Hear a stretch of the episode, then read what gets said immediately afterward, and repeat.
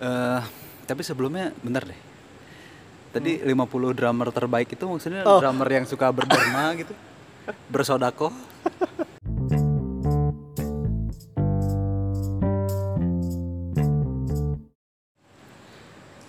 Bicara soal siapa orang yang cukup berperan memperkenalkan gue dengan musik, salah satunya sepupu gue. Dan ketika itu gue diperkenalkan dengan koleksi-koleksi kaset dia yang cukup banyak tuh. Salah satunya Sebia, Muse, Papa Roach. Waktu itu gue nggak ngerti kan dan uh, selain koleksi kaset dia juga koleksi majalah salah satu majalah yang dia coba kenalin ke gue tuh majalah Rolling Stone. Di situ gue mulai baca-baca dan akhirnya tertarik nih, tertarik uh, untuk mencoba untuk mengoleksi juga. Dan beberapa di antaranya itu ya gue coba koleksi uh, versi-versi yang cukup apa ya, yang edisi khusus lah gitu. Nggak semua yang ya apa nggak semua edisi Rolling Stone gue beli gitu. Kayak misalnya Uh, salah satu koleksi yang gue beli itu 150 lagu terbaik, terus 50 album Indonesia terbaik, drummer terbaik, uh, gitaris terbaik kayak gitu-gitu. Jadi segmented sih dan di situ gue mulai tahu band-band indie dan chart-chart lagu karena kan di setiap apa di beberapa halaman tuh ada yang menampilkan chart-chart uh, lagu dan di situ gue kayak ngeliat uh, wah ternyata uh, lagu ini lagi apa baru muncul ada yang uh, cukup tinggi di chartnya. Dan ketika itu kan chart juga masih cukup mendominan kan. Jadi sepupu gue yang paling cukup apa ya yang cukup berperan lah gitu memperkenalkan gue dengan musik. Nah kalau uh, lu sendiri nih Vic uh, teman ngobrol gue musik lu ada apa sih kayak punya gak sih uh, orang yang cukup apa memperkenalkan lu gitu juga dengan musik gitu Enggak kalau gue kan ada salah seorang yang cukup berperan lah gitu memperkenalkan gue sama dunia musik. Waktu itu gue kelas berapa ya? SMP, apa SMA ya? SMA kayaknya sih mulai mulai cukup intens sama ya beli beli kaset kayak gitu. Kalau lu sendiri kapan mulai mengenal musik dan atau diperkenalkan oleh siapa gitu? Kalau gue sih sebenarnya nggak ada orang yang benar-benar menginfluence gue buat dengerin musik atau salah satu genre musik ya. Gue tuh bisa dibilang eh apa ya? Otodidak. Waduh, kayak kalau bisa main musik bisa dibilang otodidak. Iya. Tapi gue nggak bisa main musik juga. Masa nggak ada satupun sih uh, alat musik yang lo bisa? Ada harmonika. Anjir. Itu juga satu lagu. Ibu kita Kartini. Aduh. Nah balik lagi ke Tema. apa tadi yang paling menginfluence gue ya tadi itu nggak ada soalnya gue sampai sekarang emang yang bener-bener apa ya bisa ngedengerin semua genre musik gitu loh Hmm. jadi ya eh tapi bisa kalau kalau gue inget-inget sih sebenarnya ada beberapa orang lah. Nggak orang sih sebetulnya ya teman-teman gue dan keluarga-keluarga eh dan keluarga gue juga ada beberapa yang mengenalkan gue dengan salah satu genre musik lah. Kalau yang gue inget sih sekarang eh, paling kalau keluarga gue sih kakak gue Hmm. dia emang dulu seneng ngoleksi CD ya. CD dan kaset sih sebenarnya. Iya. Yang gue masih inget tuh kalau CD ya. CD yang apa gue bawa nih yang gue nggak bilang terus gue bawa gini ke kamar gue terus kasetnya juga sempet gue ya bisa dibilang nyolong lah gitu. Hmm. kasetnya tuh kalau si- eh, kalau CD tuh kalau nggak salah Dewa 19 yang Hmm. yang logonya hati itu apa sih? Ini aduh ah lupa gua iya iya, iya. Yang- tapi emang kayaknya zaman kita tuh dewa ini itu banget ya itu iya iya makanya gue pernah ulas juga sama Satrio ngomongin soal dewa karena emang itu melekat banget di Iya. zaman zaman kita gitu benar benar benar oh itu salah satunya Seben- dewa ya Sebenarnya zaman kita tuh basian sih sebenarnya. Dewa tuh Ah. udah udah emang udah meledak di zaman kakak gua lah. Iya. Terus kita dengerin lagi gitu. Ah. Terus kalau kaset sih yang gue inget sih Roxette waktu itu. Yang lu colong apa sih yang lu denger denger dari kakak lu itu? Ah, ah. Tapi kalau orang tua sendiri, kalau gue nih ya, dulu orang tua gue suka setel di tape recordernya tuh lagu-lagu kayak eh, siapa? Dewi Yul Iwan Fals. Nah bokap gue tuh Iwan Fals tuh. Dan bahkan itu ngebawa gue sampai eh, SMP di SMP itu gue pendengar Iwan Fals banget. Gara-gara bokap gue sih. Jadi dia punya kasetnya yang aduh lupa eh, nama albumnya apa yang dia ngangkat tangan yang bulu keteknya kelihatan tuh. La- la- latar kasetnya hitam hitam putih gitu. Nah waktu itu bokap gue punya kaset yang itu dan itu ternyata cukup ngebawa gue di pas gue SMP dan gue jadi suka Iwan Fals waktu itu gitu. Nah kalau lu tuh orang tua sendiri a- ada nggak sih pengaruh-pengaruh gitu? Apa mungkin dulu sumbang ngedengerin dulu sumbang atau Nah kalau gue gini pak soalnya, Ah. karena orang tua gue tuh eh, ngelahirin gue saat mereka udah tua cuy, oh sekitar 40-an ke atas lah. hmm. Gua sama kakak gua aja yang tadi tuh yang gue colongin kasetnya tuh bedanya 17 tahun. Nah jadi mungkin ya di masa-masa itu orang tua gue udah males denger musik udah malas denger musik.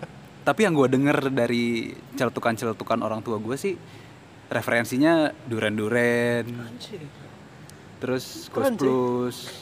tapi gue ya kalau- tapi gue nggak pernah lihat mereka dengerin lagu itu gitu loh. fisiknya nggak punya fisik kasetnya Nggak gitu ada nggak ada. Tapi eh, yang gue masih inget dulu bokap gue punya turntable hmm. sama vinilnya. Cuma gue nggak per- nggak sadar apa gimana lah. Tiba-tiba udah nggak ada tuh di rumah sebelum gue into musik gitu ya. Eh, tiba-tiba udah nggak ada tuh di rumah. Nggak tahu entah ke mana lah itu. Oke, sampai akhirnya lu dengerin tuh kan kayak Roxy terus Dewa ya kan. Nah, terus akhirnya mulai beli sendiri kaset tuh kapan? Mulai menikmati mesti nggak nyolong-nyolong dan eh, nggak ibaratnya nebeng gitu kan. Kalau itu nebeng kan. Lu mulai coba untuk beli kaset sendiri dan gue suka musik ini nih itu kapan tuh?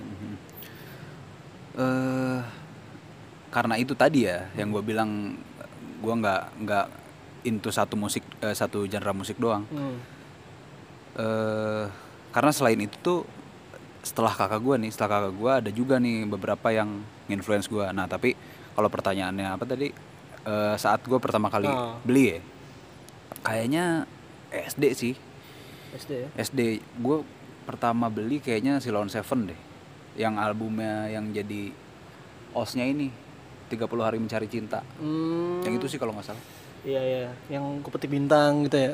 Kupeti. iya iya ya, benar, nah, benar. benar, itu tuh itu tuh Berarti duluan lu kalau masalah beli kaset ya gua SMP dan itu kayaknya Dewa sih. Dewa yang Laskar Cinta tuh. oh iya Iya, bener emang saat itu Dewa ini banget. Nah, dan akhirnya lu beli tuh yang yang apa? Salon Seven yang itu ya. gue beli gue beli yang itu Berarti masuknya itu genre pop ini ya lagi apa sih lu mulai suka genre pop ya waktu itu ya. Mhm.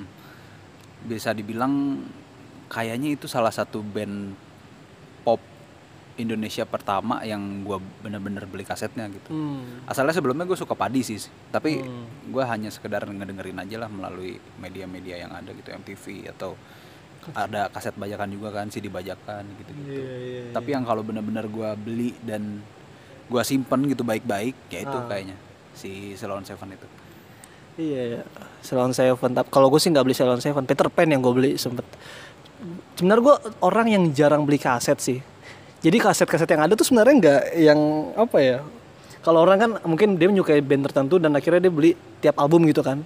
Kalau gue tuh bisa dibilang uh, abis band ini ngeluarin, ngeluarin album bagus, nah gue baru beli setelahnya. Jadi kayak lata nggak sih? Kayak istilahnya lata gitu. Jadi uh, Peter Pan sebenarnya kan ramenya waktu itu di album apa ya? Terkenalnya di album Bintang di Langit ya? Apa sih? Pokoknya yang ada apa denganmu ya. Ya. Nah, gue beli setelahnya tuh kalau nggak salah Alexandria deh.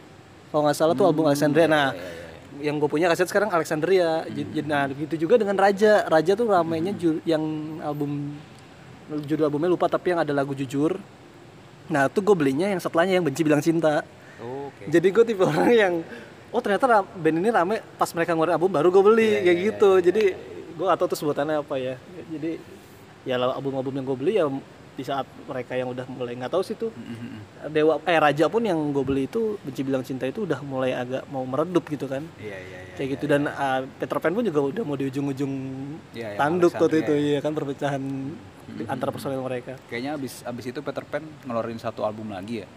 Kalau nggak salah Kalau iya. salah ya. Ah, baru setelah itu mereka Terus setelah itu pecah pecah-pecah gitu. tuh ya. Ah, The Titan segala Hmm. macam gue sempat juga tuh pak beli Peter Pan Ah. tapi yang album pertama benar-benar yang album pertama. Beruntung banget tuh asli dah. iya. Gua nah gue pergeseran juga tuh dari situ dari Slay on Seven. Kalau dulu sih gue soalnya gimana ya karena mungkin media mendengarkan musiknya juga dikit ya. Jadi gue dengerinnya ya band-bandnya band-bandnya ya itu itu lagi itu itu lagi gitu loh. Hmm.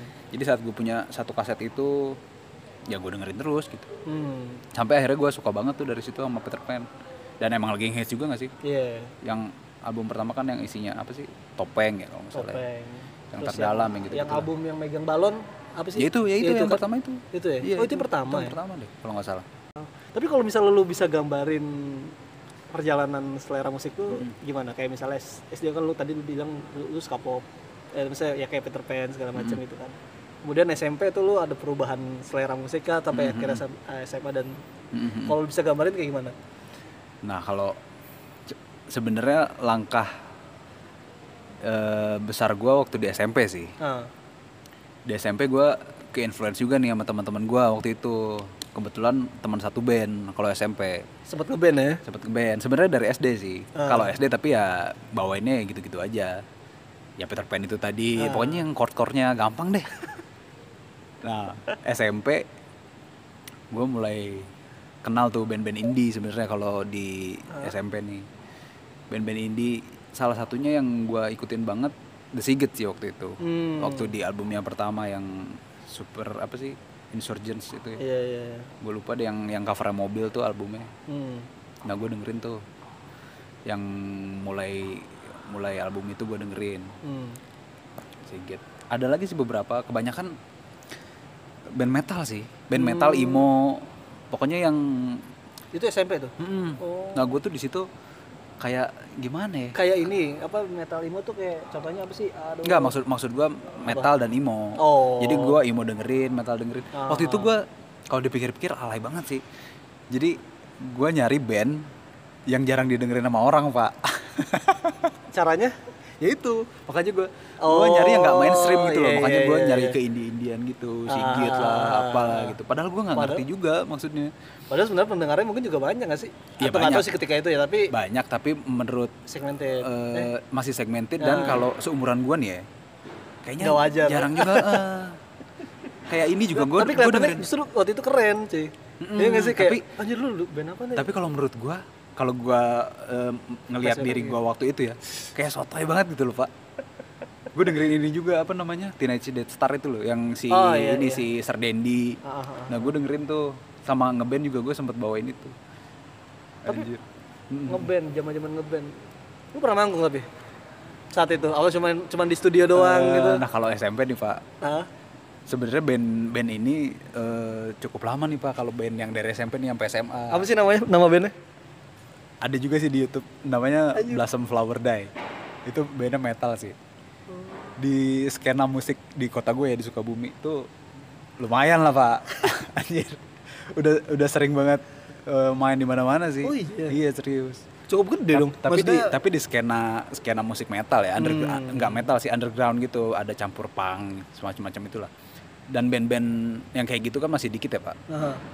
saat itu di kota gua jadi ya orang-orangnya itu itu aja sih jadi ya udah udah inilah di skena underground di sono anjir Kalau dulu gue zaman SMP pensi nama band gue apa ya gue kalau nggak salah Albatros deh. Itu bawain lagu Mata pak.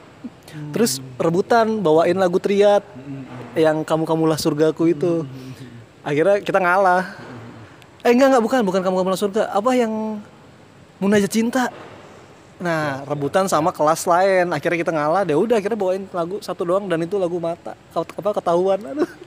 oh lu tapi sebenarnya boleh bawain lagu yang sama atau lu gengsi aja gitu ya nggak enak lah maksudnya kan tuh pensi dan harus membawa lagu yang sama Oke, kan oke, oke, oke. eh, Teksin ya aja takutnya gitu malah dibanding bandingin segala macam kan jadi kayak ya udahlah kita nggak usah gitu ya udah kira manggung dengan satu lagu itu tapi ya enjoy aja sih dan itu kita ulang-ulang bagian ref ya jadi kita lama-lamain aja udah Oh, gitu. Terus masuk SMA, lu udah mulai oh, masih ngeband tuh ketika itu masih SMA. ngeband tapi dan berat- masih suka selera musik yang sama di apa di ranah Hmm, apa emo-emo tadi. eh, awal-awal ya Hmm. cuma ke sini sini karena balik lagi ya ke karena SMA tuh zaman-zaman YouTube nggak sih? YouTube Iya. YouTube awal-awal Mulai- mulai, hidup, iya. Ah, jadi media gua untuk mendengarkan musik tuh lebih luas lagi tuh dari situ. Gua mulai denger dengerin lagu yang macem-macem lah, kayak funk gitu ya, Hmm. kayak macem-macem juga sih. Lagu-lagu pop pop luar negeri gitu banyak juga. Britpop gitu Britpop, Ah. ah, yang kayak gitu gitulah. Oh gitu. Kalau gua SMP, SMP tuh gua gue sempet suka ya itu tadi Iwan Fals. Habis Iwan Fals gua ke reggae cuy. Waduh. Sempet suka reggae dan itu sempet apa ya kayak gue pernah pakai gelang merah kuning hijau sepeda gue gue warnain merah kuning hijau. Pokoknya serba sebuah merah kuning hijau deh waktu itu reggae banget kan tuh identik. Terus sampai akhirnya mulai istilahnya insap gitu. Gue mulai suka slang di akhir-akhir kelas 3 SMP tuh. Pokoknya tuh di masa-masa SMP tuh kayak apa ya masa-masa kayak gue suka Iwan Fals reggae sama itu tuh slang udah ini banget lah gitu. Darah daging nah baru pas SMA gue mulai agak suka-suka musik uh, indie sih sebenarnya. Jadi indie tuh mulai rame kan. Iya iya iya. mulai rame kayak efek rumah kaca mulai ada terus White Shoes. Gue White Shoes dengerin dari lama sampai sekarang kalau mereka tampil ya gak usahain nonton nonton pak. Dan gak bosan-bosan ngeliatin aksi panggungnya si Sari. Bukan Sari Kompas ya. Oh, gila, gila, gila, gila. si Sari ini Sari Aprilia Apsari terus apa ya selalu ada yang baru sih gua. dan uh, akhirnya gue juga suka, mulai suka kayak Segidok juga. Kayak gitu-gitu. Sampai akhirnya mu suka jazz tuh. Kuliah-kuliah mulai suka jazz juga. Udah mulai agak naik lah. Sampai nonton sok-sokan nonton Cassiopeia waktu itu. Band jazz Jepang. Nonton konsernya di Jogja.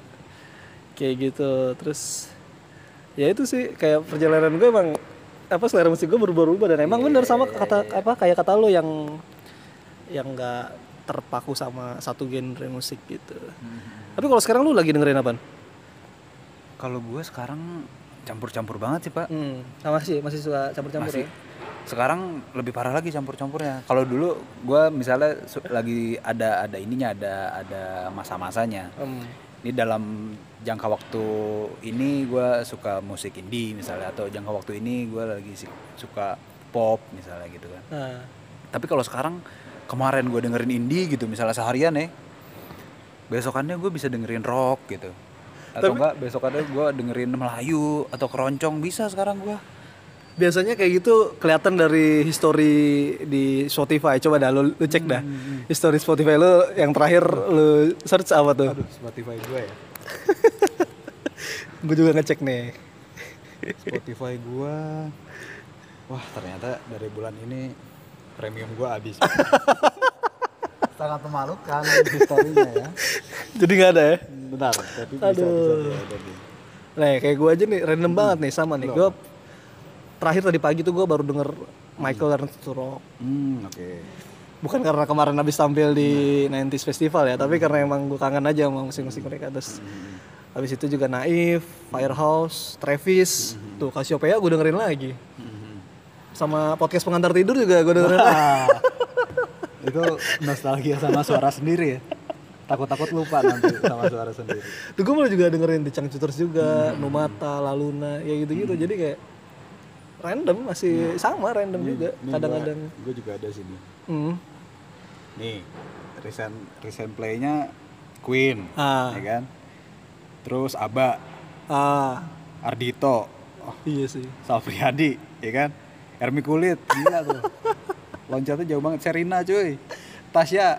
tapi tapi emang iya sih. Gue gue percaya kayak orang deng- dengerin musik tuh kayak sesuai dengan hatinya. Apa sih? Suasana hatinya yang lagi dirasain gak sih? Kayak misalnya lu berangkat kerja lu nyetel lagu yang butuh ngebeat ngebeat itu. Makanya radio radio nyetel pagi tuh lagu-lagu ngebeat katanya itu emang ngaruh juga sih sama suasana hati Ambience ya. Mm-mm. Bener sih, bener sih. dan malam tuh kayak denger yang lagu-lagu kayak eh bener Sal Priadi Amin paling serius tuh enak banget sih asli kayak gitu Antar tidur ya. Iya.